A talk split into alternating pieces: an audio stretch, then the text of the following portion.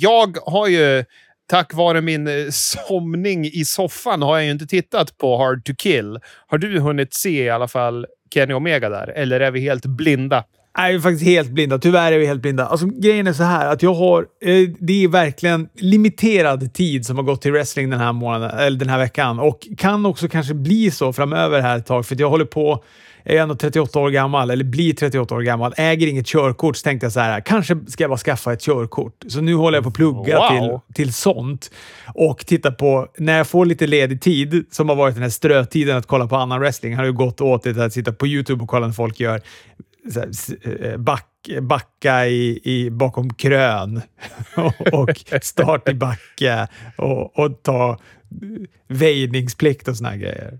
Du är ungefär som när man gjorde Young Bucks till Generation Me. Du är egentligen vuxen, men du beter dig ju som en tonåring som lär sig köra via YouTube. Vad fan. Intressant vinkel. Men det är väl det som också är så... Alltså, det, jag pratade med ett par grannar till min eh, stora syster. Som, de har en villa bredvid dem. Då. Och eh, senast jag var där så fanns det inget stort liksom, altandäck. Och så kom jag dit nu och så, den här sommaren då, och så, då var det ett stort altandäck där. Så ja, vad, har, ni, har ni byggt altandäck? De bara, ja, vi har byggt det helt själv. Oj, grymt! Vad duktiga ni är på att bygga. Äh, det finns ju YouTube. Det var ju bara att titta. Det är det som också är så jävla fascinerande med YouTube, att allt finns där. Man bara, Ja. Jag ska, en, jag, ska en, jag ska bygga en egen dammsugare. Jag bara, How to build a vacuum cleaner. Och så bara, Hi, I'm Dennis. och så är det någon som har byggt en jävla dammsugare någonstans. som går igenom hur man gör. Fantastiskt. Ja. Så att, eh, ja, precis. Jag tänkte jag skulle ta körkort via YouTube. Nej, men jag, så jag har hållit på att läsa teorier och såna grejer också. Så det har gjort att jag... Eh, ja, jag har inte hunnit se faktiskt to Kill. Jag har ju läst om det. Det verkar ju ändå vara ganska frapperande grejer som händer där. Eh, Att bland annat... Får jag spoila för dig nu, eller tänker du se det här sen? Ja, gud ja. Nej, nej, nej. Nej, men bland annat att Kenny Omega fick ta pinfall på Rick Swan i eh, Exakt. Tag Team Main Event-matchen. Det är ju ändå... Alltså, det finns ju ändå, eh, vad, vad var det, fem andra människor i den här i den här matchen också som hade kunnat ta pinfall på varandra. Verkligen. Nej, det tycker jag är roligt. Nu har de ju börjat göra saker med den här angeln och, och det känns bra. Men vi kanske kommer dit efter Raw. Ska vi slänga oss in på Smackdown och kolla om vi väver in lite veckonyheter under tiden och så vidare? Jag vet inte. Så kan vi absolut göra. Eh, Smackdown och Raw, som jag tyckte var... Eller Raw framförallt, det var ju nästan under all kritik den här veckan. Det var så jävla dåligt. Fruktansvärt Jag kommer inte riktigt ihåg. Har du sett YouTube-version eller eh, vanlig Mora? Ja, jag har sett YouTube. Jag fick se AJ Styles och vad heter det, Ricochet. Fan, hör och häpna. De har ju varit borta. Just det, de har ju varit evigt bortklippta från YouTube-versionen. Ja, just det. Precis, så vi kommer dit eh, när det ger därhän. Men Smackdown, händer det inte lite roliga grejer där? Jo, alltså jag tycker att det... Alltså Smackdown är ju ändå jämnare än vad Raw är. Enklare att titta på allt det där och det är ju fortfarande bättre. Eh, men Raw, ja, Raw var så jävla dåligt den här gången. Det var, men det jag tror också att det var... Ja, vi, vi tar det när vi kommer till Raw. Vi börjar Ja, med Smackdown. Vi börjar med Smackdown som... Eh, eh, och det sjuka var att när jag också satt och kollade på Smackdown den här veckan, att jag var så jäkla säker på att Royal Rumble skulle vara nu på söndag. Jaha, okej. Alltså jag tror att jag var halvvägs in i Smackdown. Det var så här, det var väldigt lite “This Sunday on Royal Rumble” för att, för att liksom vara gången innan i pay-per-view. Ja. Men eh, så är det verkligen inte. Det är 31 alltså. Det är en hel vecka till kvar innan vi Precis. får kolla på något Royal Rumble. Ja. Men jag längtar. ja, jo men det gör jag. Royal Rumble är alltid Royal Rumble. Det är ju... Jag, det- är ju ändå på något sätt så introduktionsgalan. Om man ska visa wrestling för någon för första gången, då är ju Ja. Royal Rumble en ganska bra gala. Absolut. Men nu utan publik kommer det ju vara intressant. För man är ju ute efter popsen väldigt mycket på Royal Rumble. Ja, de kommer ju komma och de kommer ju komma precis där WWE vill att de ska komma också. Så att det är, men det är ju... Ehm, ja. Svårt för dem ändå, för det där är ju på något sätt en barometer. När de, eh, om de testar någon. De tar in någon överraskning, de tar in någon eh, gammal legend. Det är ändå en barometer för att se, ska vi gå vidare med de här nu och testa något på Raw eller Smackdown? Men nu kan de ju inte följa den barometern längre. Nej, det är väl därför det går så jävla dåligt nu. För att nu är det bara Vince egna interna barometer som bara äh, den här Keith Lee verkar ni inte gilla. Men, men jo, det gör vi. Vi älskar honom. Det är bara att du kanske inte gillar honom så jättemycket just nu. Nej. Ja. ja, men det, oh, gud, det hade jag faktiskt inte tänkt på. Nej, det kommer ju inte vara någon publik. Nej. Och det, kommer ju, det är ju lite... Spe, alltså, publiken är ändå ganska speciell på, på Royal Rumble. Ja, på Royal Rumble är ju den eh, viktig. Det är ju, skulle jag...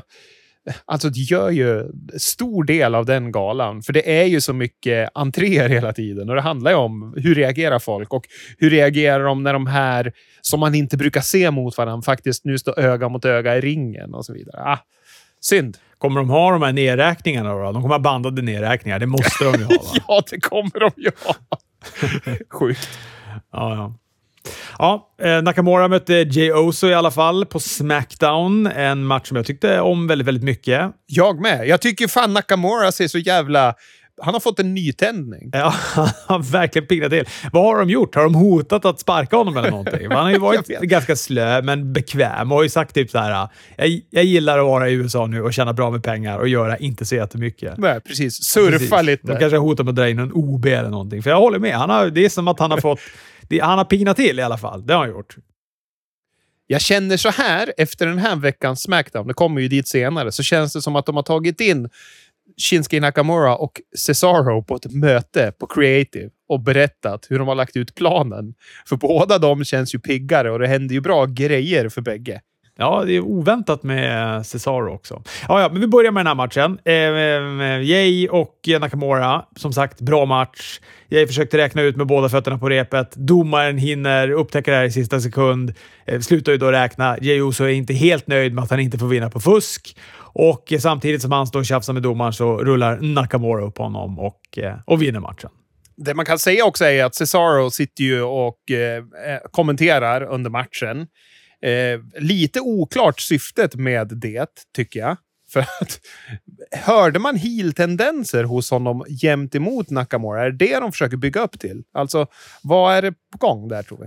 Ja, men jag tror att det här kommer kulminera i att de ska väl bryta upp och då kommer de väl göra det i och med en match och så kommer Nakamura go eh, alltså fortsätta vara face och så är Cesaro, tar Cesaro heel-rollen. För han känns ju healig fortfarande, tycker jag, Cesaro. Ja, absolut. Han var ju det på, på micken där. Men man kan ju även notera att eh, Shinsuke har ju sin gamla låt också nu. Han hade ju inte den med den irriterande rap varianten på japanska. Så nu är han ju full-blown face. När man har den låten, då är ju... Då har man tagit ställning. Vi får Roman Reigns som löpande under den här showen försöker få Adam Pearce att skriva på ett kontrakt med eh, stipulationer inför deras match på Royal Rumble. En last man standing vill han ha. Och det här kulminerar ju också då i en kontraktskrivning senare som, alltså, som jag tror redan var annonserad innan. För innan jag började kolla på det här så visste jag att det skulle vara en kontraktskrivning. Men det var som att allt byggde för att han skulle få Adam Pearce att skriva på ett kontrakt. Så här, fast ni har redan sagt att det ska vara en, så egentligen kan du bara sitta ner och vänta Roman. Det segmentet kommer att komma. Det är fint. Ja, man blir mållös. Detaljer. Petitesser. Ja.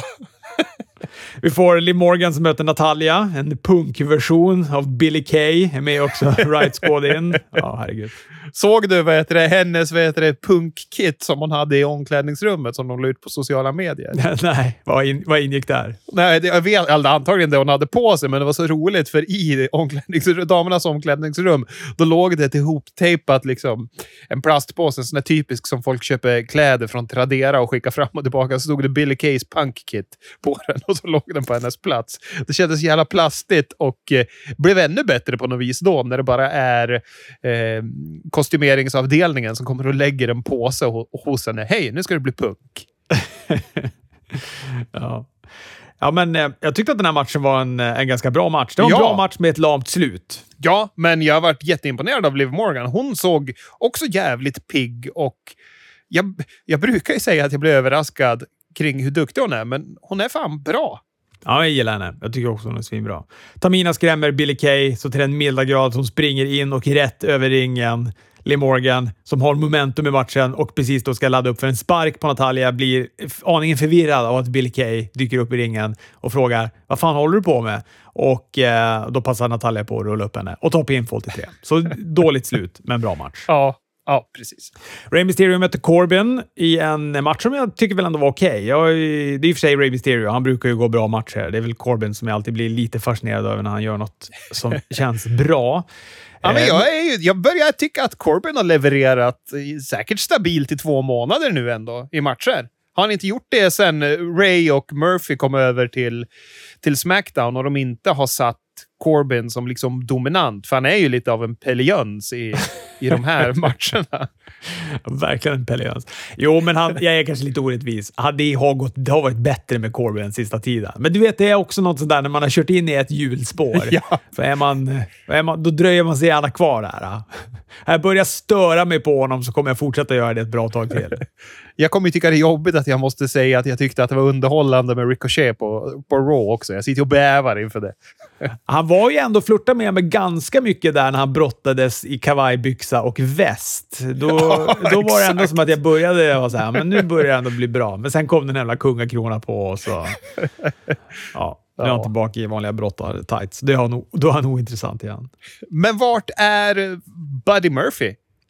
Buddy Murphy är borta, likt egentligen. Alltså nu var det i och för sig lite fokus på Dominic, men jag tänker, kommer du ihåg vilken jäkla... Eh, vilken fokus det var på Dominic där ett tag? Ja, och det var ju det bästa de hade going for them ett tag. Det var ju Mysterio-familjen. Och sen, st sen stack Seth Rollins och så dog det där ut helt och hållet. Ja, helt sjukt. För visst, Seth var ju fantastisk i sin roll där, men de andra presterar ju minst lika bra. Fan, Dominic hade ju sån jävla uppåtgående aktie men ja. Ja, nej, Murphy var spårlöst borta och även, uh, vad hette hon? Alia, va? Visst var det så hon hette, dottern? Ja, ja, exakt. De hade ju ändå någon grej på gång där. Konstigt. Dominik var ju med in, som sagt. Han, det var mycket fokus på honom. Han satt i kommentatorsbordet och Corbin försökte väl genomgående under den här matchen då få Dominik att lägga sig i, göra någonting. Corbin puttar in också Ray i Dominik, sätter en end of days och eh, vinner matchen kan ju ändå tycka att det skulle vara lite härligt om Dominic får ta en ren vinst mot Corbin, för det är ju ändå ett sätt att bygga honom starkt uppåt eftersom även om eh, den stora massan kanske inte föredrar Baron Corbin så verkar ju eh, de som eh, driver WWE gilla Corbin väldigt mycket. Så att om man tar sig förbi honom med en ren vinst, då har man ju en stark aktie där. Bailey hade premiär för en ny sån här kulisshow. De hade släpat in en dörr i ringen. Hon kallade den för Ding Dong Hello. Men, men jag tyckte den var ganska skoj. Det är mycket för Bailey alltså. Hon, hon levererar. Jag gjorde även Bianca Belair som var hennes gäst. Jag tycker båda var duktiga. Ja, det var bra. De bygger också vidare på sitt eh, upplägg. De sk skulle mötas, var det en femkamp eller hinderbana nästa vecka? Eller vad var det de? Ja, en, ja jag kommer inte ihåg, men någon, någon av de två var det. En hinderbana var det va? Jag tänkte inte på det då, men så läste jag Sebbes wrestlingrecensioner och då såg jag att han hade ironiskt jämfört det med att han eh, fick flashbacks på när Viking Raiders spelade minigolf och, Åh, nej. och, och, och kubb och allt vad nu har de gjorde mot. Var det Street Profits de gjorde det mot, eller? Jajamän, det var då vi fick en super ninja som sen uh, morfades om till Omos. Omas, som han tydligen heter nu. De har börjat uttala A ett annorlunda. Ja. Bedrövligt var det i alla fall, hur som helst. ja. Cesaro och Daniel Bryan hade en inte helt oväntat kanonmatch. Ja, kul som fan! Jag blev väldigt glad när jag såg att de skulle gå en singelmatch mot varandra. Jag med. Jättetrevligt att de fick mycket tid också. Ja, det var oväntat, tycker jag på något vis. Cesaro gjorde sin swing-grej in till en sharpshooter. Brian lyckades vända den till ett yes-lock. Cesaro tog sig till repet, bröt upp den. Brian försökte sen med en Hurricane Rana från topprepet, men Cesaro stoppade han i hoppet. Det var starkt gjort. Han är ju han är liksom inte jättestor, men han känns svinstark, Cesaro. Ja, han känns som en maskin. Han vände ändå till en vertical suplex istället, följde upp med ett nerfall. Brian gick för sina karaktäristiska running knees, men Cesaro fångade upp dem med en uppercut, naglar en neutralizer och vinner matchen. Oväntat men kul ha jävligt kul. Det kommer ju vara mer sånt här från WWE denna vecka på andra shower. Men roligt när de gör att oväntat folk får vinna. Det är liksom oväntat att Shinsuke har den, den liksom riktning han har. Oväntat att Cesaro får vinna rent mot Daniel Bryan. Daniel Bryan, som vi ändå har pratat om, skulle kunna vara potentiell eh, motståndare mot eh, Roman Reigns på WrestleMania. Men han får vinna rent mitt i ringen mot Cesaro här. Ja, och jag menar, vad är det här? Daniel Bryans tredje raka förlust? Så den, den aktiekurvan går ju rakt, spikrakt ner ifall det blir så att han matchas mot en, en världsmästartitelmatch på WrestleMania. Nu känns ju det, tycker jag, långt, långt, långt, långt, långt bort. Ja, exakt. Men vem annars? Jag, jag vet, alltså vem Jey annars Uso. ska de? Du tror fortfarande på Jey Uso? Alltså. Nej, jag, inte, jag tänker inte släppa det förrän han åker ut på vad heter det, Royal Rumble. Då kommer jag. Då, då är det kört. Men du, är inte, såg jag inte för någon vecka sedan att Seth Rollins var på väg tillbaka? Ja, då är det potentiellt. Känns inte det som en... eh, Att han kommer in i... Han gör en sån surprise return på Royal Rumble till superface pops. Det är, där kan de ju lösa nu. Det är, ingen, det är inte, inte en människa kommer bua åt honom. Och, då, och är det någon som försöker ge en tumme ner så är de snabbt liksom med AI som, som registrerar den här tummen pekandes neråt och vänder den 90 grader så den åker rätt upp istället. Ja, och då klipper de fan in en bild på Young Bucks i värsta fall. Bara för att få bort den. Ja, men så har han släppt hela den här Messias-gimmicken och så matchar de honom mot eh, Roman Reigns på WrestleMania. Ja, det skulle ju vara... Det skulle jag tycka var härligt faktiskt. De har ju historia och så också. Ja, det känns eh, som en... Nu, alltså absolut, jag hade jättegärna sett Roman Reigns. Jag hade kanske nästan hellre sett Roman Reigns mot Daniel Bryan. Men bara att de håller på så här med Daniel Bryan känns... Alltså det gör ju att hans... eh, Ja, han blir inte ett hot. Nej, han blir verkligen inte ett hot. Då hade de nästan behövt bygga upp honom mycket, mycket mer nu. Alltså låta han vinna matcher, låta han vi, alltså vara den där superstjärnan som han är. Exakt. Vad heter det? Apropå vad heter det, Seth Rollins. Han framstår ju lite som en röv, tycker jag. Alltså privat. När man hör om honom och hur han beter sig. Och när han twittrar så är han ju sällan begåvad. Han framstår ju ofta bortskämd eller dryg. och så här. Hans ordfight med Will Osprey här för ett par år sedan var ju mindre smickrande och så vidare. Ja, Men jag håller på och läser... Vad, vad sa du? Ja, den var ju katastrofal. Ja, det var ja, helt bisarrt. Från bägge. Jag tycker ju att Will Osprey kom ut ur det med lite hedern i behåll, men ja, eh, jättekonstigt. Men jag håller Visst ju var det Seth Rollins som där började säga att, han, att de skulle jämföra bankkonton med varandra? där. Han tog ändå den, den vägen ut ur den diskussionen. Ja, så jävla dumt. men jag håller ju på och läser Young Bucks-boken. Jag läser ju inte fort, men jag läser konsekvent. Och där framstår Seth Rollins som väldigt sympatisk och vad heter det? tillbakadragen och blyg. Liksom. Lite socialt awkward, men väldigt, väldigt trevlig. Och det tyckte jag var härligt att få läsa ändå, eftersom jag tycker att han är en väldigt bra wrestlare. Så det är skönt att få en annan bild än den han själv lyckas framhäva. Carmella backstage fortsätter surra om Sasha Banks. Sasha Banks dyker upp, puttar henne till backen, men Carmellas sommelier ställer sig mellan dem och eh, Sasha säger “Hälsa din brud att hon får en titelmatch om jag får möta dig först i en match”. men vi fick inget svar på ifall han tackade ja till den, men får vi väl kanske förutsätta att han gör. Det lär vi ska få se. Men har inte de, vä- vägrar inte de intergender-matcher, WWE? De får inte ens mötas när det är tag team. Ja, men de kanske tänker så här att det är kvinnan som spöar på mannen är det okej. Och så kommer hon total dominera honom. Ja, så är det nog. Var det inte Becky Lynch som fick sätta, eh, gö- göra några moves på Baron Corbin också när de möttes där på någon gala för hur jävla länge sedan som helst? Det låter bekant. Eh, Apollo möter Sami Zayn. Vi får se lite bilder från Talking Smack från förra veckan när Apollo har peptalk, eller nej, nej, nej, förlåt, när Paul Heyman har peptalk med Apollo. Och så fick vi också se tidigare, det glömde jag säga, att, att Roman Reigns i en av de här alla segmenten så var, där han då som kulminerar till den här kontraktskrivningen, så sitter ju Apollo och, och hänger med honom. Japp, det var lite, lite konstigt tyckte jag. Ja. Tyckte också kommentatorerna. Vad har han? Vad har de med varandra att göra? Ja, ja, men jag tyckte det var en okej okay match det här i alla fall. Biggie var med i kommentatorsbordet. Sammy försöker vinna med en näve tights. Domaren ser det, vägrar räkna. Sammy blir frustrerad. Domaren och... Eh, eller blir frustrerad på domaren och Apollo rullar upp honom med en näve tights och vinner matchen. Konstigt här, vad heter det med... Jag vet inte hur man skulle tänka kring matchen och, och sådär. Och så tycker jag det är tråkigt igen att Big E är New Day Big E när han är där. Han är fortfarande samma karaktär. Jag, var också lite var störd för att jag trodde nog att det här skulle bli en mycket, mycket bättre match än vad det var. Alltså, Sami Zayn är ju kanon och Apollo är ju bra brottare också, men eh, det är som att det är för mycket spel runt omkring och, och Sami Zayn, den här, hans karaktär nu är som så... Det är som att hans karaktär är att han inte kan och vill brottas. Han har som inget självförtroende. Nej, men det är som att han är en manager som tvingas vara med i matcher på något vis. Alltså, han, han är Johnny ju... Polo. Ja, aj då. Johnny Polo, då tänker jag på Brian Clark. Jag gillar ju Brian Clark för att han ser så... Han hade sån bra look, men han var en sån obegåvad brottare.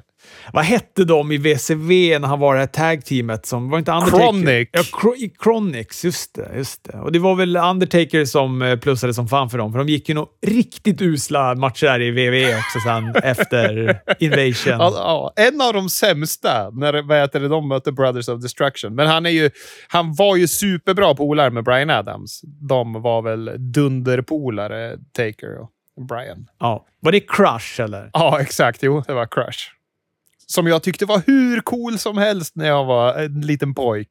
När han kom som Kona Crush, vet du. Då. Det var ju coolast som fanns. En stark face. Det var ju bara Hulk Hogan och Ultimate Warrior som var sådär bitiga och starka. Men var det här innan han hade eh, liksom glada pastellfärger på sig, eller? Nej, det var ju när han var pastellkillen. Han var ju Demolition Crush också. När han var, det var han väl innan han blev Kona Crush. Just det, Demolition Crush och så sen var, var det glada skrikiga färger. Aloha sa han alltid innan i sina intervjuer, eller promos han gjorde. Och så sa han ju Chakabra. Och så sen så blev han den här och lila svarta ninja-varianten efter, att, efter att Yokozuna hade hoppat på honom. Och sen blev han gängmedlem och sen så blev han NWO och sen så blev han världens sämsta tag team i Chronic. Där har vi Brian Adams karriär. Men det är också, alltså jag tyckte också om Crush väldigt mycket. Jag gillade ju Adam Bomb mycket när han kom också. Ja. Men jag tror att det var för att man gillade den där, man gillade ju karaktären. Det var liksom ja, ja, ja. sprakiga färger och tydlig karaktär. Han har ju liksom varit med om en atombomb och hade konstiga gröna ögon och var svinstark på grund av det. Typ. Det var ju härligt han, han hade även merch när han kastade ut bomber i publiken. Det var amerikanska fotbollar som de hade satt på såna här tail, tailar på. Vad heter det? Såna här svansar som är längst ner på en raket och så kastade han ut dem i publiken. Det är lite eh, en svunnen tid när man kunde kasta ut bomber till barn som merch. Men jag gillade ju Johnny Polo. Jag, jag ska nästan säga att jag var mer intresserad av Johnny Polo än Raven-karaktären. Ja, du får gå och lägga det. Ja, men det är så svårt. Han ska sitta där och vara en jävla grunge-miffo i något hörn och, och livet är så svårt och tungt och sådär. Och så, och så, men Johnny Polo med lite så här hawaii-skjorta och någon en golfklubba i handen. Ja, poloklubba ja. Nej, det gillade jag. Det var härligt. Ja, I, uh, eh, we can agree to disagree. Men jag var ju rätt ålder för grunge-skiten, ja, så det passar ju mig. Kontraktsigneringen eh, avslutar Smackdown. Jag tyckte den här var bra. Jag har läst att folk tycker att den här är lite pajig, men jag, jag kände... Jag tyckte att det här var liksom en sån här... Eh, Eh, ja, men, eh, båda kommer ju in. Roman krockar på kontraktet. Adam Pearce säger ah, “Jag väntar på att du skulle göra det där” och så bara lämnar han. Och eh, då helt plötsligt börjar han halta när han är på väg ut och så säger han att ah, de här knäna är struliga. Men äh, oroa, dig, oroa dig inte Roman, för enligt VVEs kontraktpraxis så får ju en VVE official hitta en lämplig ersättare om ena parten har skadat sig. Och vet du vad? Jag är ju både en WWE official och jag har en lämplig ersättare och så kommer Kevin Owens eh, musik igång och så är han då ersättaren. Men alltså, jag, jag, tyckte att det här kändes som en, så här, en lite gammal klassisk WWE Swerve. Ja, men jag hade ju velat att Swerven inte skulle vara Kevin Owens, för vi har haft det för mycket. För annars, det var ju bra utfört, men payoffen var inte det jag ville. Nej, men här hade de ju ändå kunnat öppnat för någon lite mer spännande brottare att få ta den, eh, få ta den matchen. Vi har ju sett Kevin Owens mot... Eh, och absolut, det har ju varit bra matcher och sådär och det här kommer också bli bra med Last Man Standing. Men här fanns det ju ändå en öppning att ja, testa någonting helt nytt. Ja, för att vad det, annars var det väl utfört. Jag tycker Adam Pearce, han har steppat upp. Han och Shinsuke och Cesaro, de var på samma peptalk de och har liksom börjat leverera. Jag vet inte, alltså det, å andra sidan så här, ja, men jag, jag vet att i, det kommer bli en stabil match mellan Roman Reigns och Kevin Owens. Absolut. Men ända sedan jag såg den där uh, Hangman Page, Adam Pearce, Ring of Warner-matchen så, alltså, så vet man att han kan ju ändå brottas och, och han... Uh, ja, alltså en kort liten match med Adam Pearce hade nästan kanske lockats mer för mig än en match mellan Roman Reigns och uh, Kevin Owens. Mig med. Verkligen. Kan gärna Pat Buck få komma in och göra lite interference också. Men apropå Adam Pearce... Byxor i skrikiga färger. Ja. Men Adam Pearce är också med i Young Bucks-boken för övrigt. Han verkar ha världens sämsta humör då. Att så fort han blir förbannad så kastar han saker omkring sig och står och kastar vattenflaskor i backen och grejer. Han bokade ju åt Ring of Honor tydligen, när Young Bucks var där. Eh, men även sympatisk han med, ska jag säga. Verkar det som. Ja, nej, men det var väl ett, eh, ett, eh, ett ganska bra Smackdown. Det var några bra grejer, det var några halvbra grejer, men det får väl godkänt. Ja, fan. Jag tycker att både Shinsuke och Cesaro-matchen drar upp det här till över godkänt. Två riktigt bra matcher. Raw däremot, det tyckte jag inte var bra. Det är... Nej, men det var inte bra. Det var fan piss det här rået alltså. jag kommer ju inte ihåg. Jag kommer, kommer komma ihåg när vi pratar om det, men jag skriver ju inte ner lika duktigt som du. Det enda jag får fram när jag tänker på Raw, det är ju Randy Orton stå i någon så här jederisk Mr Wrestling-mask med röd näsa. ja, men han är ju... Randy Orton, det är han som öppnar då hela Raw och eh, han ser då ut som Robert Gustafssons karaktär Christer Landin i Fyra nyanser brunt efter att han har stimulerat Morgan hans son får följa med på hans jobb på djurkrematoriet och, och råkar ju då dra på krematorieugnen när Robert Gustafsson är där i, så han har liksom bränt upp hela honom. eh, så att eh, det tyckte jag var komiskt.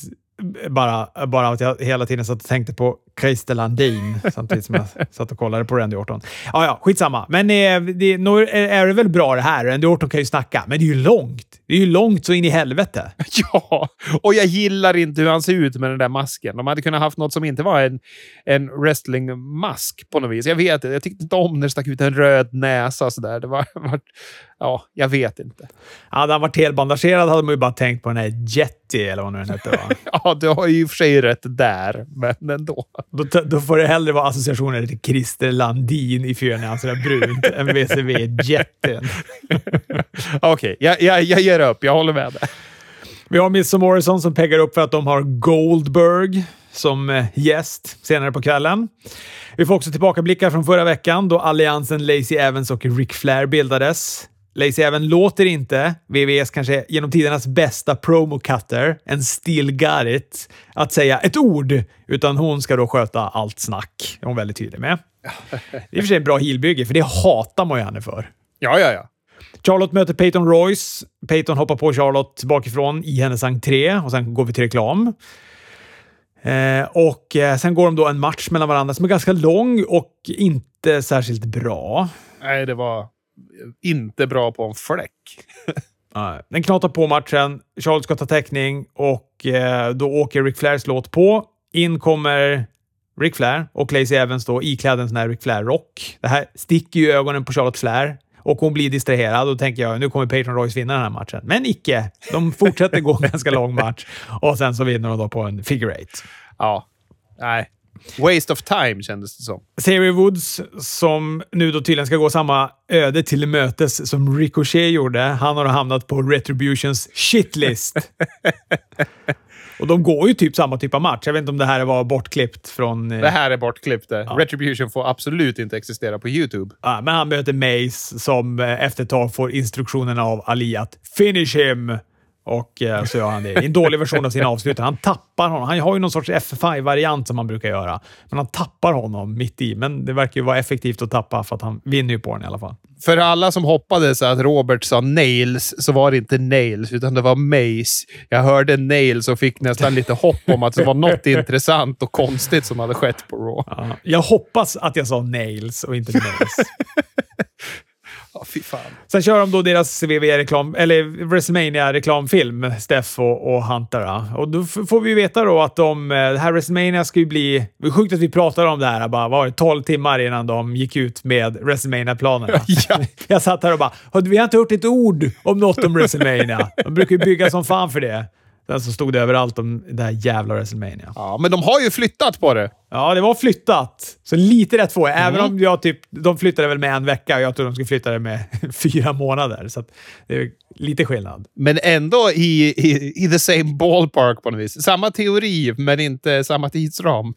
Nej, och mycket kan hända på fram till april. Herregud, det är ju länge kvar. Jag tror fortfarande att de är eh, kanske lite för optimistiska att de ska trycka in en eh, 15 000 eller vad nu det är de satsar på att få in i, Ja, i den här arenan. Då. ja men visst. Ja, det ska bli spännande att se det där. Eh, men kul med eh, publik i alla fall. Att de siktar på det. Verkligen. Och så två dagar igen. Ja, det är väl vad det är. Vi, och jag, sen var det ju lite, de presenterade ju typ alla, de presenterade ju nästa års också, som jag trodde skulle vara den i Hollywood i Los Angeles. Det var ju till och med sagt att det skulle vara så, men he, helt plötsligt så hade de flyttat den till, eh, till Texas, till Dallas va? Ja, jag kommer inte ihåg eh, vilken ordning, men så kanske det var att det var Dallas nästa år och eh, Los Angeles sen. Precis. Precis. Men där är ingenting om att det skulle vara två dagar. Nej, det sa de inte, men eh, tror inte att han har eh, fastnat i det, de hjulspåren nu. Jo, absolut. Det har han verkligen gjort. Ja, det där, nu, WrestleMania kommer alltid vara två dagar nu. Det kommer det vara. Och så, han jag tror ju också att han har uppfunnit det. helt klart, helt klart. Och, och folk påminner honom om att han har på, uppfunnit det också. Var var vi någonstans då? Jo, men vi var ju i efter att eh, Xavier Woods hade fått jobba Ricochet, eller fått jobba till eh, Retribution. Apropå Retribution bara, vad heter det? Hon, eh, Mercedes Martinez har ju uttalat sig om varför hon hoppade av eh, Retribution och så. Har du sett det? Nej, men vänta nu. Vadå hoppa av? Inte fan kan man väl hoppa av? Jo, Har hon hon, hoppat av? ja, hon menade på att eh, hon har sagt tack men nej tack när hon insåg vad det var och ville hellre vara på NXT än att vara på main roster. Hon trodde... Då är det ju helt... Vad, fan har Dajakovic för jävla omdöme då? Vad fan? Spring! Spring därifrån! ja, det kan ju även vara en lite lätt omskrivning av henne, men det var väl så hon uttryckte sig. Att eh, ni som vet vem jag är, ni vet att det där är inte jag. Att det lät på ett annat sätt när vi pratade om det, men när, när det väl liksom sattes i rullning så kändes det inte som att det här var den karaktär jag är. Därför eh, har jag valt att vara på NXT istället. Good for her. Ja, verkligen. Det var ju även, det har ju Ad- Adam Cole har ju tweetat ut det eh, i veckan, va? När det var någon som bara ah, hoppas de kan göra rätt med Undisputed Era när de kommer till main roster. Och då svarar han på det bara NXT is the main roster. Mm, Och, Ja. Ja, för Ja. fan. Var, bli kvar. Gå ingenstans. verkligen. Herregud. Ja, men efter eh, Retribution och WrestleMania-reklam så får vi då Alexa Bliss Playground. Ja. Hon gungar. Hon ska intervjua Aska som hon då ska möta i, i main event här också på Raw. Aska kommer in, ska sätta sig på gungan bredvid, men det får hon inte, för där sitter den osynliga The Fiend. Japp. Här får man verkligen kämpa för att inte stänga av och lägga ner Raw för alltid. Aska hon tycker det här är snurrigt. Don't blame her. Och blir sugen på att dansa istället, så hon ber om att få sin låt spelad och börjar då svänga på höfterna. Alexa blir arg och börjar nu ha då en längre diskussion med den här osynliga The Fiend och Aska blir stekt och lite fundersam och väljer att dra därifrån. Alltså, och det är här min sambo kommer in och undrar vad det är jag tittar på. när, vad heter det, när Aska står och dansar och, och sjunger sin låt på någon eh, japan-engelska och vad heter det, det sitter en gungställning och en rutschkana och en gunghäst. Jag har lite svårt att försvara min hobby då. Vi får Mandy Rose som möter Shayna Baszler. Och jag börjar också bli väldigt mätt på att se de här. Det är vecka efter vecka efter vecka efter vecka. Jag vill så gärna att de ja, skulle... men det klipps ju bort, så att eh, du får ta smällen du och se de där matcherna. Jag slipper. Men jag skulle så gärna bara vilja att de gör någonting annat, framförallt med Mandy. Och hon hade ändå en ganska bra grej på gång. En ganska bra boll i rullning på Smackdown. Och sen kom hon till Raw och efter det så har det ju varit bedrövligt för henne. Det är så konstigt att de inte ger tid åt något som de liksom kan och vill bygga på. De skulle ju kunna ha mer än de här två riktiga women's fade de har. För det är ju den de startade i och med Aska och Alexa och sen så har de ju Lacey mot eh, Charlotte. Men de skulle ju kunna göra något mer där istället för att harva på med att Retribution gör samma sak vecka ut och vecka in också. Ja, Baszler vann i alla fall på en Grafita Clutch. Det är mycket fokus på Nia Jack också, som med vän ton och låg energi kommenterar den här matchen. Eh, det är också struligt mellan dem, Shayna Baszler och Nia Jax, som med alla andra par i både WWE och NXT. Det var, ja, ja, vi kommer dit. Eh, de har ju liksom samarbetssvårigheter som alla andra. Nu var det något om att de inte hade varandras rygg på Royal Rumble som, som skavde. Okej. Och Dana avslutar hela det här med att knuffa in Naya i Shayna, så de fortsätter tjafsa. Eh, sen blir de typ kompisar backstage och kräver en returmatch om tag team-titlarna. Så det är, de kastar sig mellan sinnesstämningarna också. ja, jag är glad att det klipps bort här. Ricochet snackar med Adam Pearce backstage. Han är tacksam för att han ska få kvalificera sig i en match, eh, eller kvalificera sig för att vara med i Royal Rumble. Eh, han går då match mot AJ Styles. AJ och Omos, eller vad sa du? Hur skulle man säga? Omas. Omas! Men det stavas väl med O? O-M-O-S? Eller? Det kanske inte gör. Ja, det kanske det gör. Du, jag har ingen aning. Jag har inte fått se honom på så länge, så att jag var lite glad att se att han, att han pratar mer och var mer aktiv. Jag tycker att han ändå utvecklas vecka för vecka den här jätten till man. Ja, jag, gill, jag gillar kombinationen AJ och Omas jättemycket. Jag, jag tycker de är kanon. Verkligen. Jag, jag är helt för de två. De, gärna mer tid till dem. Och den här matchen var jätte, jättebra tycker jag. Ja, jag måste ju säga att jag gillar, gillar den här matchen med Ricochet.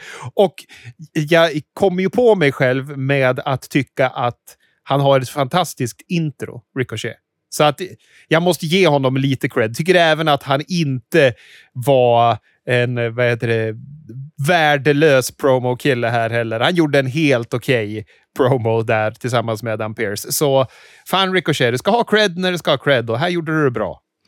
Han har fullt upp med att flyga runt till, hans, till han plötsligt då eh, flyger och fastnar rätt i armarna på Omas. Domaren beordrar då... Blir reklam! ja, först så beordrar väl domarna att han, ska, att han ska släppa ner honom, vilket han gladeligen gör. Så han liksom bara kastar honom. Och det är ju som att falla från femmans trampolin i ett badhus, för att han är ju fem meter hög den jävla Omas. Han, han liksom ett magplask ner i backen och stendör ju Ricochet när Omos då kastar ner honom. Eller släpper ner honom. Sen blir det reklam. Och sen när vi kommer tillbaka så eh, går Styles för en phenomenal forearm, men Ricochet kontrar det med en recoil, tar ett nerfall. Ricochet är sen uppe på topprepet, men Styles hinner då slå undan fötterna och sen gör han fan det sjukaste. Alltså han tar en, ett front face lock på Ricochet, studsar han över översta repet, fångar upp han i en Styles Clash och tar pinfall till tre. Alltså det är, det är vansinnigt. Jag har aldrig sett en Styles Clash utföras på det här sättet någon gång tidigare. Så jävla snyggt! Det var, aj, det var, det var så här, äh, spola tillbaka och titta på det flera gånger-läge. Det var, ja. Det spolade jag tillbaka och tittade på många gånger och även Jericos bortsade spot som vi kommer till senare var jag tvungen att spola tillbaka och titta på många gånger. Vi kommer till den. Ja, men det var ett snyggt avslut. Verkligen vansinnigt snyggt avslut. Miss Morrison har sin dirt sheet. De introducerar Goldberg. In kommer uh, Dwayne Gill, lill-raggan lill som Hoa kallade honom. Ja. A.k.a. Gillberg. Det här satt och jublade över det här segmentet, va? Nej, alltså jag blir så... Det, och grejen är, jag tänker också, om jag hade varit ett stort Goldberg-fan, alltså jag hade blivit vansinnig här. För de, det, det är ändå det första de gör. I och för sig, efter tio minuter Randy Orton cosplayar Christer Landin, så, så är det ju då de drar den här filmen att, att Goldberg ska vara gäst på, hos Miss Morrison. Men du vet, då sitter man ju kanske ändå som ett stort Goldberg-fan och bara väntar att han ska komma här nu i tre. Genomlider liksom alla de här skitsegmenten som har varit där Alexa Bliss står och pratar med någon osynlig... Varför har de hämtat både från liksom Killinggänget och Alfons Åberg? De sneglar för mycket mot Sverige nu. Det är jobbigt. Ja, ja, ja, men och så kommer då Gilbert in. Sen kommer då Drew McIntyres låt igång. In kommer någon korpulent herre i peruk och kilt. Såg mer ut som någon som var med och stormade Kapitolium än Drew McIntyre. Verkligen. Och jag fick även lite, vad heter det, nu du, håll i hatten med, med referenser. Men jag fick lite sedd ifrån polisskolan och vibbar över honom. Det skulle kunna vara han, Bobcat Goldthwaite, som spelade rollen. Ja, men det här var buskis, det var värdelöst. Och adderat på det här också så hotar ju Miss med att han ska lösa in sin väska på den här matchjäveln på Royal Rumble. Ja, nej, fy fan. Det här drar ju ner hela Raw med sig. Ja, det som Alexa hade börjat med sin gungställning. Hurt Business vann över Riddle och eh, Lucha House Party. Det var det vanliga. Hurt Business har svårt att samarbeta. Vi får se Cedric Alexander tagga in sig själv, sätta, på, eller sätta en brainbuster. Sen börjar han skälla på Benjamin. Lashley har fått nog, taggar in sig själv, tar ut Riddle, spelar metalik, applicerar ett hurtlock och eh, vinner matchen. Och sen så fortsätter de tjafsa och så passar Riddle på att skicka en spark på Lashley och sen springa därifrån. Men alltså, Hurt Business är så professionella och stabila i ringen så att för mig är det förlösande när de kommer in på det här Raw. De är ju... De är, i all den här buskisen och all skit så känns de som såna jävla proffs. Det är samma sak med vad heter AJ Styles känner jag också. Att det är så skönt när det bara kommer in folk som är. Och då är ändå AJ Styles lite av en buskis-karaktär när han är liksom den här äh, fega rednecken med Omas med sig. Men ja, det är förlösande att se professionella karaktärer och äh, wrestlare i ett sånt här långt draw.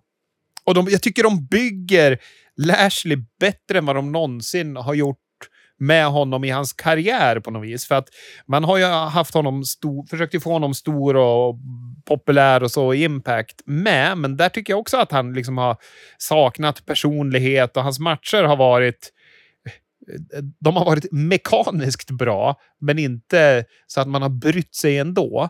Men jag tycker att på senaste tiden så har jag fan börjat gilla Lashley och det är för mig superförvånande. Ja, men det enda som är... Alltså jag håller med dig i allting det här. Jag tycker också om Hurt Business jättemycket. Alla är bra. Alltså individuellt är alla bra. De är jättebra som ett stall.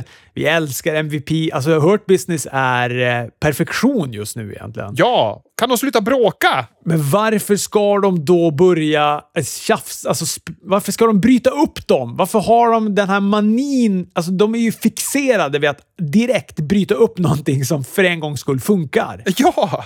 Alltså, det, ja, fan, låt dem vara. De är ju ett hot. De har ju för fan tre av titlarna på Raw. Det är ju... Oh, och, och, professionella, de ser cool ut när de går och är välklädda backstage. Det är tre fantastiska brottare, en okej okay brottare, och, eh, men fantastisk på att prata istället. Det är så jävla bra. Vi får sen Jeff Hardy som gick en ny match mot Jackson Riker. Jag måste bara backa här. Jag vill bara säga, jag tar tillbaka. Jag tycker inte att, att Bobby Lashley är en fantastisk brottare. Jag har varit, jag har varit tagen av stundens hetta. jag tycker att Shelton och Cedric Alexander är en fantastisk brottare, men Bobby Lashley har blivit bättre. Ja. Så, nu är allt rätt i universum igen. Jag förstår. Du fastnade i superlativen här. Det är lätt att, det, att man gör det. Ja. Jeff Hardy gick en eh, ny match mot Jackson Riker. Elias är med in. Självklart ska han då orsaka en diskvalifikation som en finish. Han puttar ner eh, Hardy när han går upp för en swanton på topprepet. Domaren diskar Riker. Elias och Riker börjar tjafsa och Cardi passar på att attackera Elias bakifrån, men åker sen på en swinging side slam av, av Riker. Där. Så det här är ju också ett par... Nu är det ju eh, inga jämförelser i övrigt med eh, Hurt Business och deras framgång. Jag, är inte, jag ska inte säga att det har fäst jättehårt på mig, parningen Jackson Riker och Elias. Men det är ändå så här, var, när, när fick vi veta att de var, var polare ens? För typ två veckor sedan och redan har de börjat tjafsa. Ja. Och det känns som att, vad håller de på med? Ska det vara en simulering av en högstadieskola? För alla som är kompisar ska även tjafsa med varandra. Det är så tradigt. Jag tänker också så här, om, om jag skulle köra in liksom en gaffel i eluttaget här och bli elektrifierad likt Elias blev när han körde gitarrhalsen i gitarrstärkare på deras Weapon of Destruction-match. Och om liksom inte se min familj eller Gud eller ljuset utan att jag ser Jackson Riker framför mig, ja, då skulle jag nog hålla hårt i den jäveln. Det är ju briljant. Varför blir vi inte vidare på den? Det är så konstigt. Nej, vi tjafsar istället för den där superunderliga angeln. Main eventet, Alexa mot Aska och eh, ja, det var en match som var fram och tillbaka. Alexa gör sin gimmick-grej, Aska hon dansar. Plötsligt släcks ljuset ner. När det tänds igen, då har Alexa helt nya kläder på sig. Svart läppstift. Kommentatorerna de börjar viska när de pratar. För att de, jag vet inte varför de viskar. Är det, är det för att de tror att Defin ska höra dem? Eller? Ja, det är otroligt förvirrande. Aska ska springa in sina, sin, sina knee strikes när de plötsligt då stelnar till för Alexa. Hon har vänt på sig upp och ner, sådär som Bray Wyatt gör. Vilket eh, fick någon också i kommentatorsbordet att, att skrika “Oh my God!” det är, Hon står i brygga. Det kan vem som helst göra. Ja, ja. Bliss med ett Mandible Claw-försök, men Aska lyckas ta sig ur det. Hon löser sedan en Sister Abigail, tar pinfall till tre och när kameran, kameran sen zoomar ut så har hon sina vanliga kläder på sig igen. Eller vanliga, men de där kläderna hon hade på sig när hon kom in. De lite mer rosa färgmatchade kläderna. Och så hör vi det fint säga “Let me in” och Bliss mimar med. Ja, jag vet inte. Jag tycker om de här två damerna, men this didn't do it for me.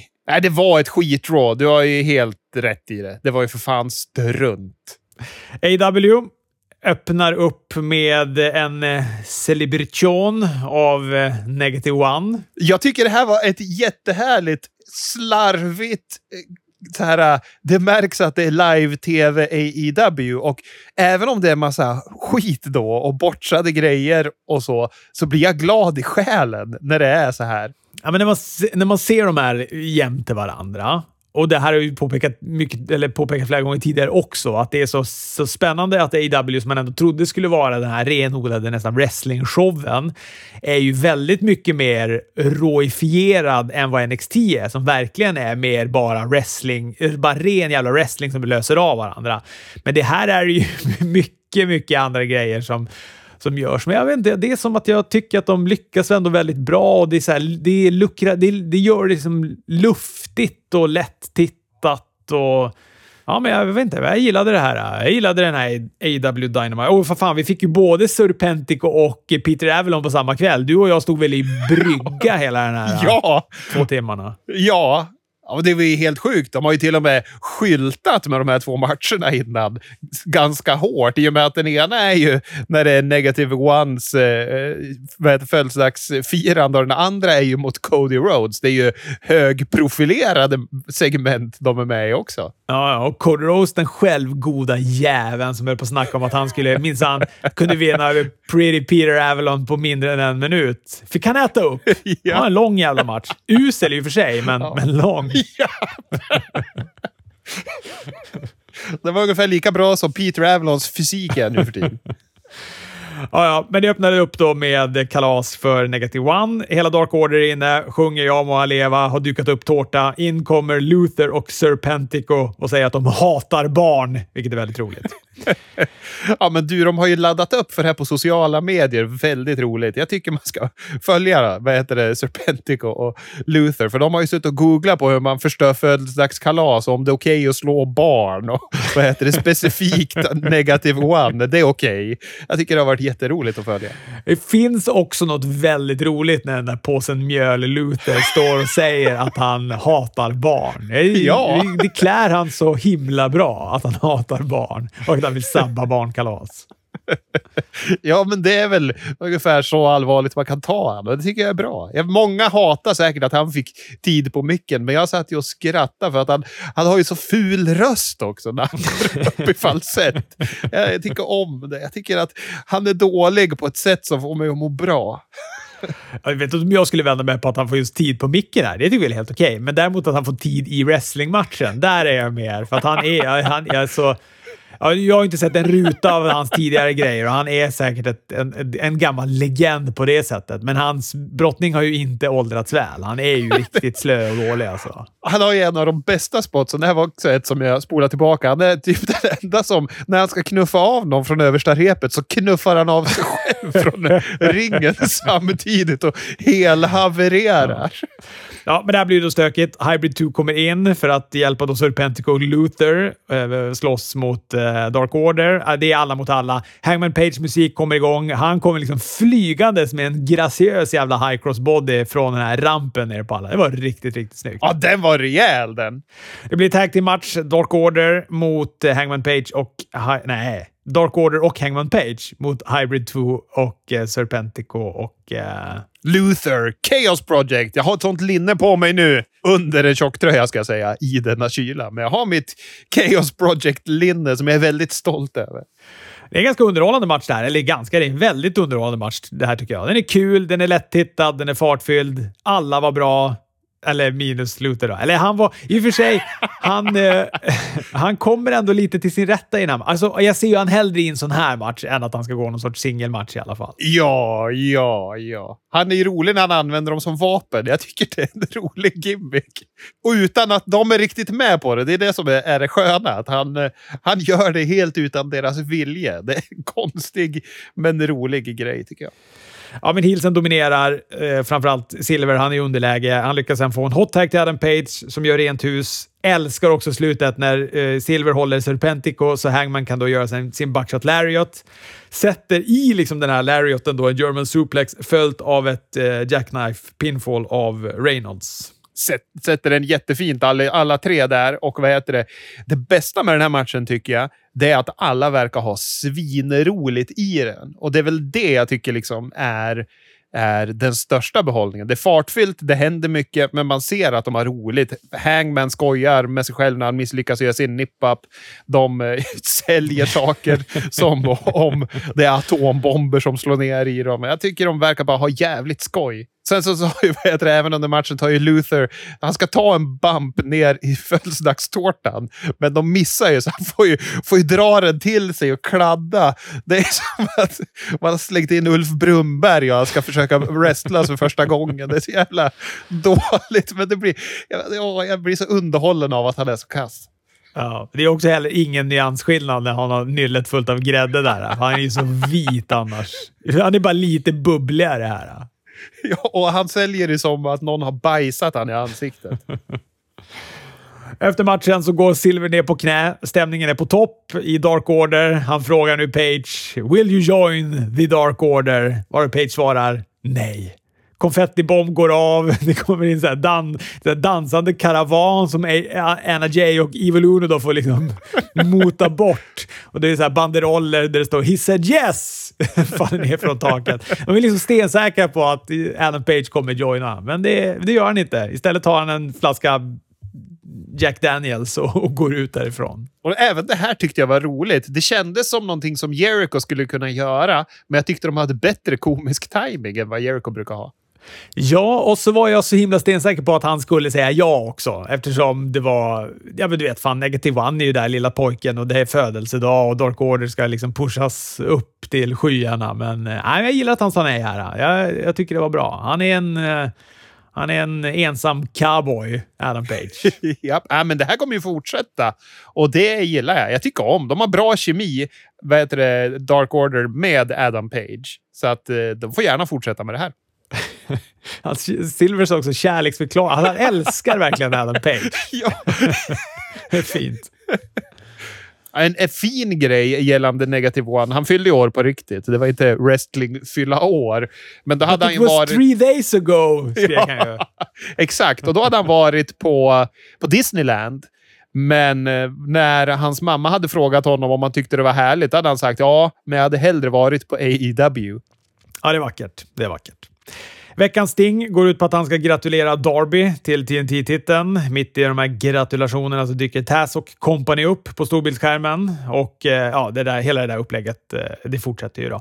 Men vad, jag såg nu att det var Tony Khan som hade gått ut med, eller om det var AWs Twitterkonto som hade gått ut med, att de ska gå någon match. Ja, men det sa de väl där? Street Fight på Revolution. Ja, de sa det där till och med. Ja, det hängde jag inte med. För jag blev så eh, perplex när jag såg att, eh, eller perplex heter det väl, när jag såg att, att de skulle gå en... Men alltså, då ska han ju wrestlas. Han ska gå en street fight Sting alltså. Ja, men det kommer ju vara Cinematic antagligen. Men det kommer ju vara skönt för att det här står ju och snurrar i hjulspår just nu. Så tack och lov har vi något vi bygger mot nu. Ja, det är sant. Det där behöver, det behöver ta ett, ett steg vidare. Ett steg framåt. Men det gör det ju. Kul segment sen med Bucks som letar Kenny Omega hemma hos Kenny Omega. Hittar en fantastiskt rolig tavla hängandes i vardagsrummet. Det är en oljemålning då på Kenny Omega och Don Callis i bar överkropp och jeans. Don Callis Vet du vad det är, är referens till? Nej. Vince McMahon har en sån i sitt vardagsrum på sig själv. Vadå? I bar överkropp och jeans? Jag vet inte om han har jeans, men han är bitig i en oljemålning i sitt vardagsrum. som alla som har varit hemma hos honom. För han brukar bjuda dit folk när han signade dem där under Monday Night Wars. Och typ det, det enda folk kommer ihåg är den där jävla oljemålningen. ja, vad roligt. Kul. Den är ju fan, det är jätteroligt det här. Den här tavlan är, det är fantastiskt är att Don Gallis är lika rippad som eh, Kenny Omega är. Han tio pack på magen. ja, ja. Äh, men, och vad heter det? här måste ju vara Don Callis bästa dag på Impact. Va? Förutom första såklart när han släpper bomben. Eller första, men då när de gjorde den här äh, stora bomben. Men jag tycker han är jättebra i det här segmentet. Det där är nästa års julklapp du ska få mig. Då ska du få en stor jävla oljetavla på dig och mig i bara överkropp och jeans. Och jag ska vara sådär rippad. Och den ska hänga i ditt vardagsrum, Chris. Vad fru, frugan än säger. Du, om det kommer en sån oljemålning, då hänger den där vad än frugan säger. Ja, nej, men jag håller med. Don Callis var kanon här. Han, vill, liksom, han dyker upp och vill prata ostört med Bucks. Ber kamerakillen lämna, eller han får väl ner honom i the dungeon. Både han och stackars Alex Marvez. det är så konstigt det också. Men kameran här, den lämnas kvar. Den fortsätter rulla utan att eh, Don Callis eller Bucks vet det. Uh, han försöker då muta Bucks med checkar för att de ska hålla sig borta från Kenny Omega. Det här faller inte riktigt väl ut och segmentet avslutas med att det verkar som att Bucks ger sig på Callis. Vi ser ju inga bilder, det gör vi inte, men vi hör ljudet av kanske några superkicks i, kring kindbenet. Vad heter det? De, säger, de river ju ändå sönder checkarna och säger att vi vet, du jobbar ju för Impact. Vi vet vad de här checkarna är värd. Och så river de sönder dem. Det är en ganska hård känga mot Impact. Och eh, nu kommer jag referera återigen till Young Bucks-boken, men när de, deras kontrakt för TNA, det här var när de var på Spike TV, TNA, det var ändå deras storhetstider. De fick 300 dollar per match. Och de fick betala travel och eh, hotell själva när de jobbade för Ring of Honor, då fick de allt sånt betalt och fick 200 per match. Ja, man kan ju förstå att de har lite, ett litet horn i sidan på, på Impact. ja. Verkligen. Eh, efter det här då så får vi Pretty, Pretty Peter Avalon mot Cody Rhodes som eh, direkt sätter en crossroad på Avalon och då trodde jag att det skulle vara slut för att han hade ju då snackat om att han skulle klara av den här matchen under en minut. Men då kommer Jade Cargill in och eh, liksom Codys fokus flyttas från Peter Avalon till, till Jade. Och Avalon kan då sätta en spark mellan benen. Domaren inte ser, vilket ger honom övertaget i matchen. Han heelbrottas med fokus på Codys knä. Cody hämtar tillbaka matchen, sätter Avalon i en figure four. Avalon försöker då ta sig ur med att dra en lavett i ansiktet på Cody och Cody laddar för den också, men eftersom Pretty Peter Avalon är så då rädd om sitt pretty face så, så tappar han ut direkt innan Cody hinner slå honom. Det är synd att den här matchen inte är så bra när han får sån här spotlight. Ja, exakt. Den är inte bra och det är ett pissdåligt avslut det här också. Det är jätte jättefånigt att han är sådär. ja, men det är skönt att han är Pretty Peter istället för Librarian, tycker jag. För jag tycker det är roligt med hans hjärtformade säng i publiken också. ja, just det. Han, ligger, han har legat där ja, i publiken under tidigare veckor. Ja, ja men jag tycker också det är lite synd. Det är ju, jag vurmar ju. Jag vurmar vurmar för Peter Avalon. Så, att, eh, så jag tycker att det är lite synd att han inte hade kunnat få skina lite mer här. Han är ju ändå ganska, alltså han är ju en duktig brottare. Han är ju, det är han. Och, och han och Cody skulle kunna gå en bra match. Men det är som att det bara inte lossnar och så är det som att det är lite mycket fokus kring det andra. Alltså om de ändå inte har det självförtroendet i Peter Avalon så då hade den väl kunnat vara en match som avslutades på under en minut och sen är det tillbaka till Dark för honom. Jag tror att man kanske trodde att det skulle bli en bra match, men de hade dålig kemi. Alltså det kändes som att det var dålig kemi i, de här brott, i den här brottningen bara.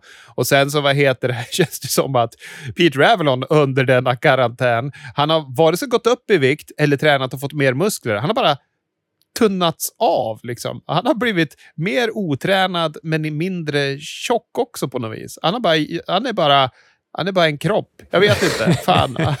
Han var ju smal och ganska rippad ett tag. Nu är han ju bara... Han är bara smal.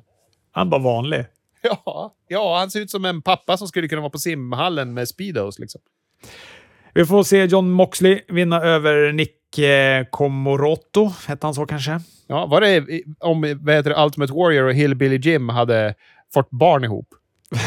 ja, men jag gillade det. Han var en sån klassisk gammal hederlig wrestlingvilde. Ja, han var ju svinstark också. Han kunde tydligen bänkpressa 300 kilo. Just det. Det var Shivani noga med att påpeka. Japp. Jag har inte bänkpressat 300 kilo totalt i hela mitt liv. Kumulativt. Moxley vann trots imponerande bänkpresssiffror. Vi får se Eddie Kingston och gänget bli intervjuade backstage. Lance Archer lägger sig i. Ja, det är sekundärt. Det som är anmärkningsvärt här är ju vad som händer med Butcher. Han har blivit någon sorts Woodstock-karaktär här med vit t-shirt och glasögon och bandana. Vad fan är det som händer? Han ska ju vara... Han är ju slaktare, inte någon hippie i ljusa färger. Nej, det är konstigt. Och Jake the Snake måste gå på knä eller något. Han är för låg för att vara manager. Vi får se när Kenny möter upp eh, Don Callis eh, backstage. Han är blåslagen här nu och Omega är då ivrig att veta vem som gjorde det här med honom. Callis vill ju inte säga, men sen så då råkar det slippa ut ur munnen att det var Nick och Matt Jackson som hade gjort det. Men det vet vi ju inte, för vi fick ju inte se ifall det verkligen hände. Nej. Men det här är ju hans sätt. Han, håller ju på, han ska ju vända Bucks mot Kenny Omega. Det är såklart. Absolut. Eller tvärtom, kanske vända Omega mot Bucks. Skitsamma. Matt Hardy och Private Party, de vann över Matt Seidel och eh, Top Flight. Nu var det väl Private Partys hundraprocentiga transaktion till Heels. Ja, och värt att påpeka är ju att de här klev in på Impact och är number one contenders där.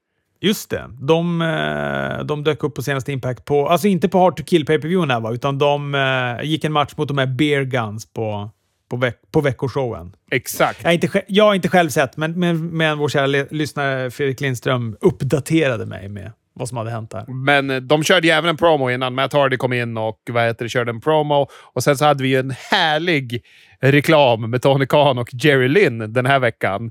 När Tony Khan står med några få hundra dollar sedlar i händerna och ska betala för två veckor reklam direkt här och nu så att de får in pengarna. Han har även med sig en liten blå Captains loggbok för han ska ju sätta sig ringside och anteckna tillsammans med Jerry Lynn och de går direkt från reklamen ut och sätter sig och tittar. Och, äh, det var jättebra. Fan, alla de där reklamerna ska man se.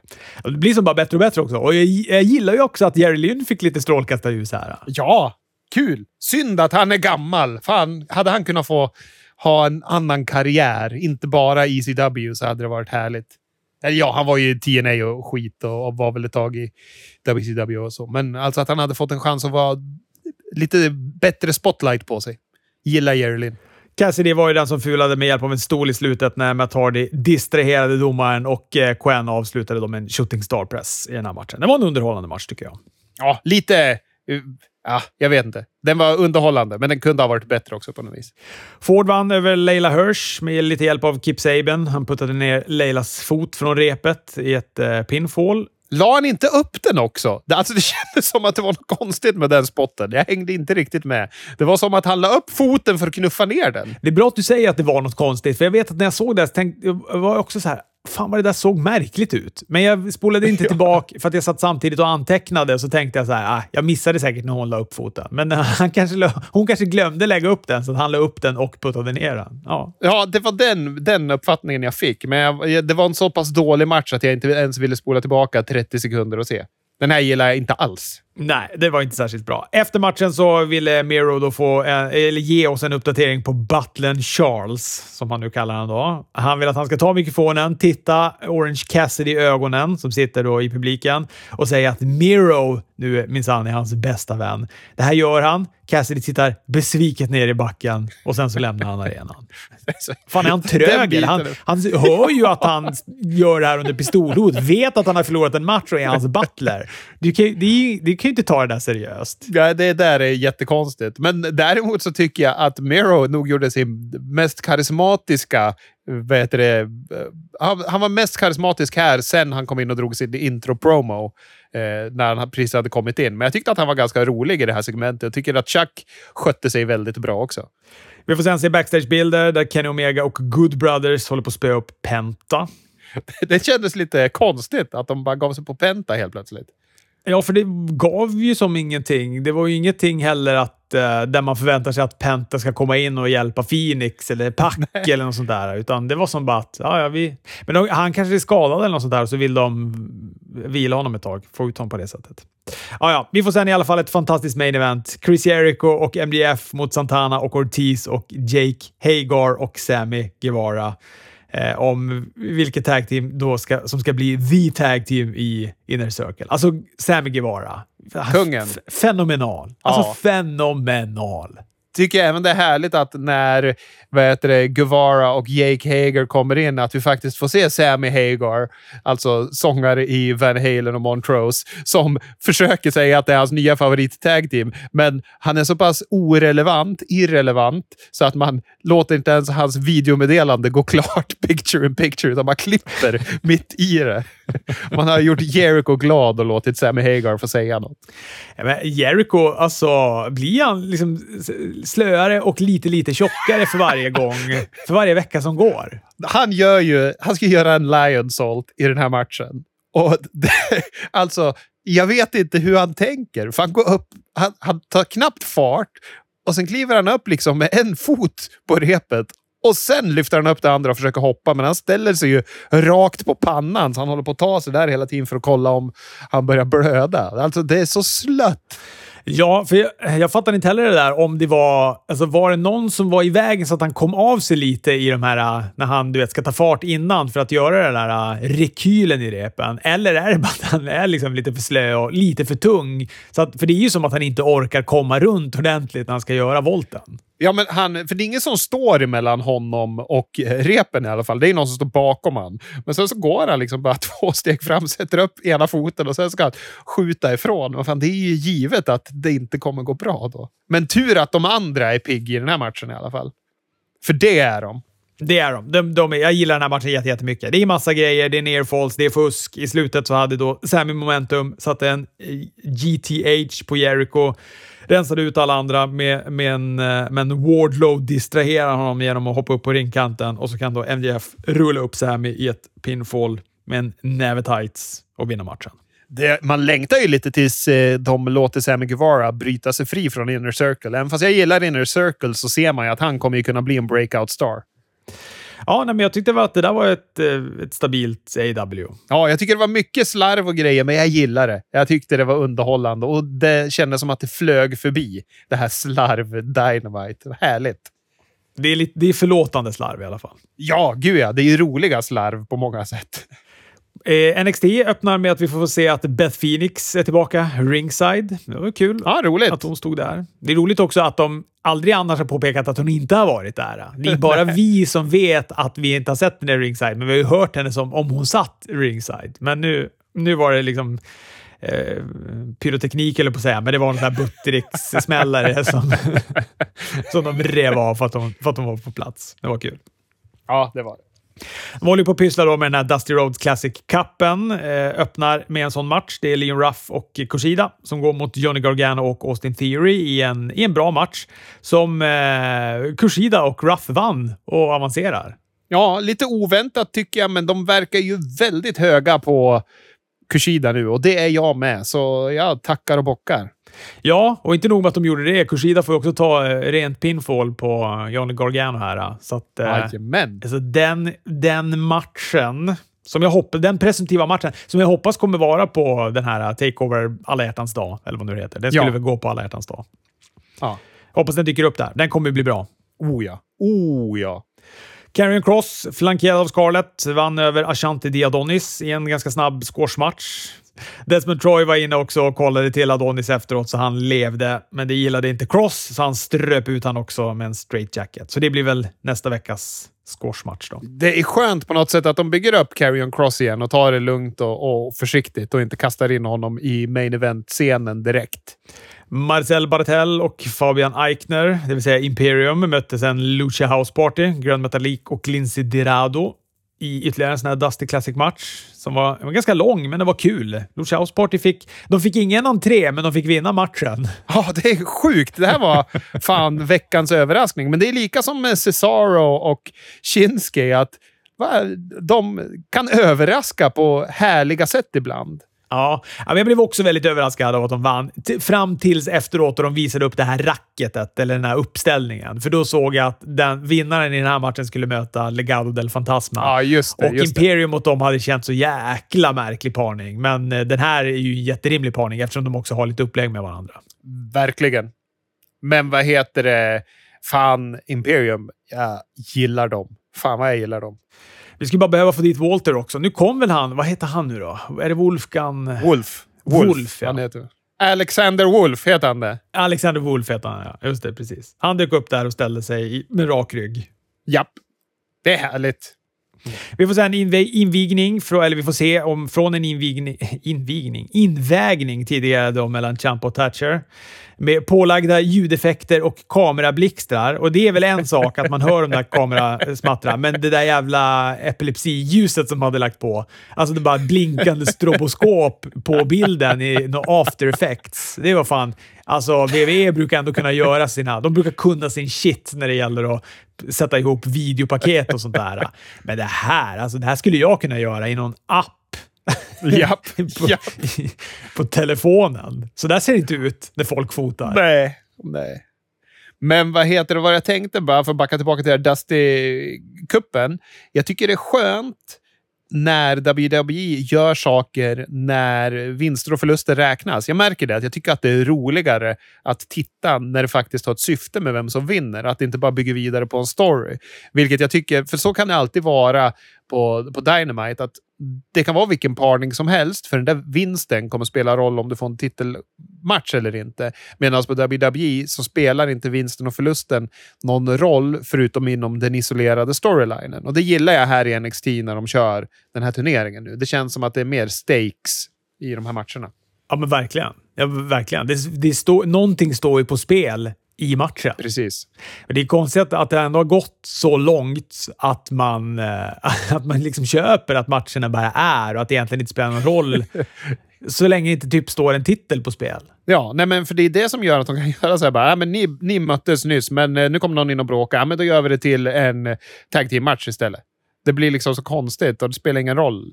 Beth Phoenix, hon håller tal inför att eh, sparka igång den här första Women's Dusty Roads-klassikern. Det är Tony Storm och eh, Mercedes Martinez mot Kaden Carter och Casey Catanzaro som är den första matchen. Eh, som, eh, ja, men det var väl bra. Ganska snabbt så blev det hetta på Catanzaro. Hon tog, eh, hon tog till... Eh, eh hon hot-taggade till Kaden Carter som då gick loss, hade momentum, fastnar sen i en half crab av Tony Storm. Ishirai kommer in springandes, ger sig på Martinez. Tony distraherad av världsmästarens entré.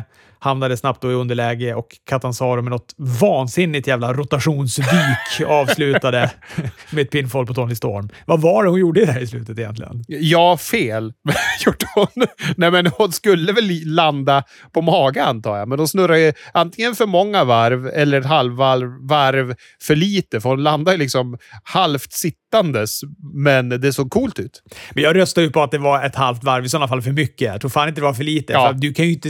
Går, hon snurrar ju så in i helvete. Ja, men här var väl också en så här, äh, överraskande vinst. Ja, verkligen. Det här trodde jag ju eh, trodde verkligen att Tony Storm och Martinez skulle vinna. Men det är väl också kanske då för att bygga upp eh, Yoshirai, eh, Mercedes, Martinez eh, upplägget där. Jo, men även för både det och att vet du, det är rimligt liksom storyline-mässigt att Imperium inte möter Legado del Fantasma, så är det överraskande och jag gillar det. Alltså, jag tycker det känns... Det kändes som frisk och pigg bokning det här. Finn Balor vill åt uh, Peter Dunn, men uh, först plockar då Danny Burch och Orny Lorcan. Han är inne hos Regal och kräver det. Regal säger att uh, det är bara för dig att hitta en tag team partner då, men Balor är skeptisk. Han har ju inga vänner, bara fiender kvar. Bronson Reed vann över Tyler Rust med en tsunami. Det var ju mest Bronson Reed som dominerade den här matchen, så att, eh, ja, det var vad det var. Vad heter han? Malcolm Bivens. Visst var det han va, som är med Tyler Rust in där? Ja, lite slät personlighet på honom va? Lite slät personlighet på honom och äh, även här nu då, då håller de på att bryta upp dem som typ blev ett par för två veckor sedan. ja, ja, vi kan glömma det här. Det här är bara rörigt och tråkigt på något vis. Men man hinner knappt landa i de här jävla paren så börjar de bryta upp dem. Nej, jag vet. Vi, vi tänker inte på det, för resten är ju bra. vi går vidare.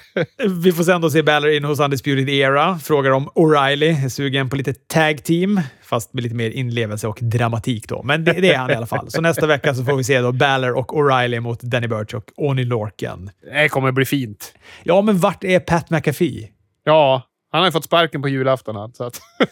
men han han, ja, vi har inte sett, vi har inte sett honom sedan dess. Nej, men han har ju sagt det. Han sa ju det, att han trodde det. Jag tror han fick sparken på julafton. Ja, det, han var för bra. Så de bara, nej men vänta nu. Alla våra stars bleknar här. Det här kan vi inte, vi kan inte komma en, en vad är de säger kidsen, noob, en nybörjare och vara så här bra. Hade jag varit i AEW hade jag ryckt honom. Det hade varit jätteroligt.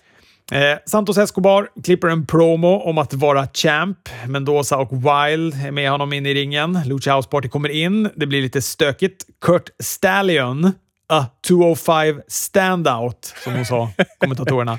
Han kommer då inspringandes för att jämna ut numren lite och efter det så utmanar han då Santos Escobar i en match om titeln nästa vecka. Kommer nog bli en bra match, men eh, de gjorde inte så mycket för att bygga upp Stallions personlighet. Men han var ju kanon det jag såg på AEW Dark när han var med där. Ja, jag gillade han. Jag tyckte han hade en bra look. Han såg lite ut som att han skulle kunna vara lillebror till eh, Brian Kendrick, tycker jag. Eh, The Fight Pit är det väl som avslutar sen, va? Ja, det är det. Fight Pit med Thatcher och Champa avslutar. Eh, rätt annorlunda mot förra Fight Pitten där mellan Thatcher och, eh, och Riddle. Men, eh, men jag gillade ändå den här matchen. De började där uppe, slugg, sluggandes på varandra. Champa sparkar ner Thatcher i picture in picture. De jobbar på ganska hårt där nere på varandra. Kul också när Champa gör en draping DDT eh, på Thatcher, men istället för att, för att han hänger i repen, för det finns ju inga rep, det är ju bara eh, vet du, cage-bur runt om då, så, så gör han den då på domaren som har gått ner på alla fyra. Det var roligt. Men vad heter det? På WWE Network fick man inte se hur de hamnade i pitten. Så man fick alltså se det på, på Picture in Picture. För här var det som att nu går vi till reklam och sen är vi tillbaka. Då är de nere i fight-pitten och eh, vi fick inte se, vi fick ingen repris på det. Ingenting. Så det såg ut som att de hade bara gjort, tagit någon mesväg ner. Att vi gör det under reklampausen så vi slipper ta en bump. Ja, ja nej, han gjorde ju den här uh, Scar mot Mufasa. Du vet, han hänger... Eh, han, Thatcher hänger ju med båda fötterna från... Eh, nej, med båda fötterna. Med båda händerna då på, på kanten där uppe. Och så ser man då ta, äh, vet det nu, Champa först sätta foten på ena handen så att, han, så att han tappar greppet där och sen så höjer han foten mot andra handen och så stampar han ner så att han faller. Men du, nu måste jag hoppa tillbaka till Raw, för det här var ju det jag spolade tillbaka och såg mest gånger av allt. När vad heter det, Riddle skadar foten genom att Bobby Lashley stampar 10 centimeter mot hans fötter i marken. Åh, det var så jävla roligt. Det måste jag gå och titta på så fort vi är klara här igen, för det är det sämsta jag har sett på, på timing på länge. Champas ben fastnade i cagen när de höll på att slåss i ena hörnan och med Champa hängandes upp och ner så kunde då Thatcher applicera en modifierad stretch muffler som blir för tungt för Champa så han eh, tappar ut. Det här tyckte jag också var lite överraskande. Ja, väldigt överraskande måste jag säga. Jag var stensäker på att han skulle vinna. Ja, men också att han tappar ut till, inte nå fuffens egentligen, alltså, utan han tappar ut till en stretch muffler. Och Thatcher får vinna. Alltså, fan, jag vill applådera NXT den här veckan för att de kunde överraska i fan så där många matcher efteråt så kände jag ändå så här, ja men det är bra, för då blir också The Fight Pit lite Thatchers grej. Att du vet, sen år framöver när det kommer vara så här och han utmanar dem, någon och så resulterar det i en Fight Pit, då vet man så här, okej, okay, det här är Thatchers hemmaplan. Han har aldrig förlorat den. Det blir liksom hans casket match på något sätt. Ja, jättebra. Aj, aj, fan, kul NXT. Det var ju inte lika punkigt och kaosartat som AEW, men här lyckades de med bokningarna av matcher och matcherna kändes som att de betydde något. Det var jävligt ett bra NXT. Det behöver de. De ska väl förhandla om, eh, om eh, tittarrättigheter tänkte jag säga, med tv-bolaget nu. Med USA om NXT. Jaha, redan? Ja, jag tror det. Jag tror att det är uppe för förhandling nu. Så att, eh, det ska bli intressant att se vad de tycker om tittarsiffror och allt möjligt. Verkligen. Ja, men absolut. Eh, jättebra onsdag, en helt okej fredag och en bedrövlig måndag. Men det är roligt att prata om det ja. och det ska vi göra igen. Hörni, vi hörs om en vecka igen.